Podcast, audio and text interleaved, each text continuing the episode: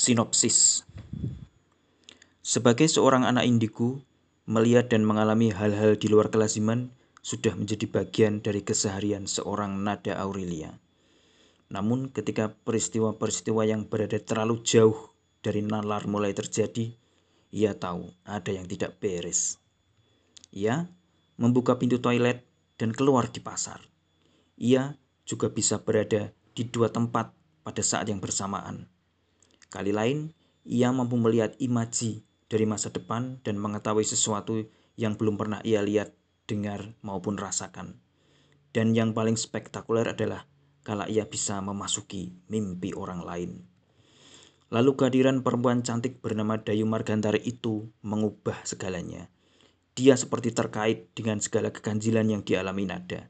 Bahkan seakan-akan semuanya bersumber dari dia.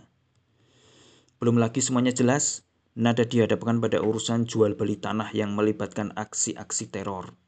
Pada saat yang sama, Aren, teman sebangkunya, sakit-sakitan karena diganggu makhluk halus. Saat kemampuan-kemampuan aneh muncul tak terkendali satu demi satu, Nada tahu ia harus turun tangan memberikan bantuan dengan semua keanehan itu. Hanya saja ia tak tahu bagaimana caranya. Situasi makin rumit manakala wajahnya mendadak jadi glowing sejak keanehan-keanehan itu muncul. Efeknya jelas, para cowok yang pada hari-hari biasa bersikap normal mendadak jadi aneh dan bertingkah konyol. Di sisi lain, Mama Nada yang cantik dan telah lama jadi single parent didekati seorang pria yang memang kaya raya namun punya kehidupan yang kelam. Nada tentu tak sudi berayah tiri seseorang seperti itu. Dunia seperti kapal pecah, dan Nada dituntut untuk membereskan semua itu dengan banyak hal yang ia sama sekali belum mengerti.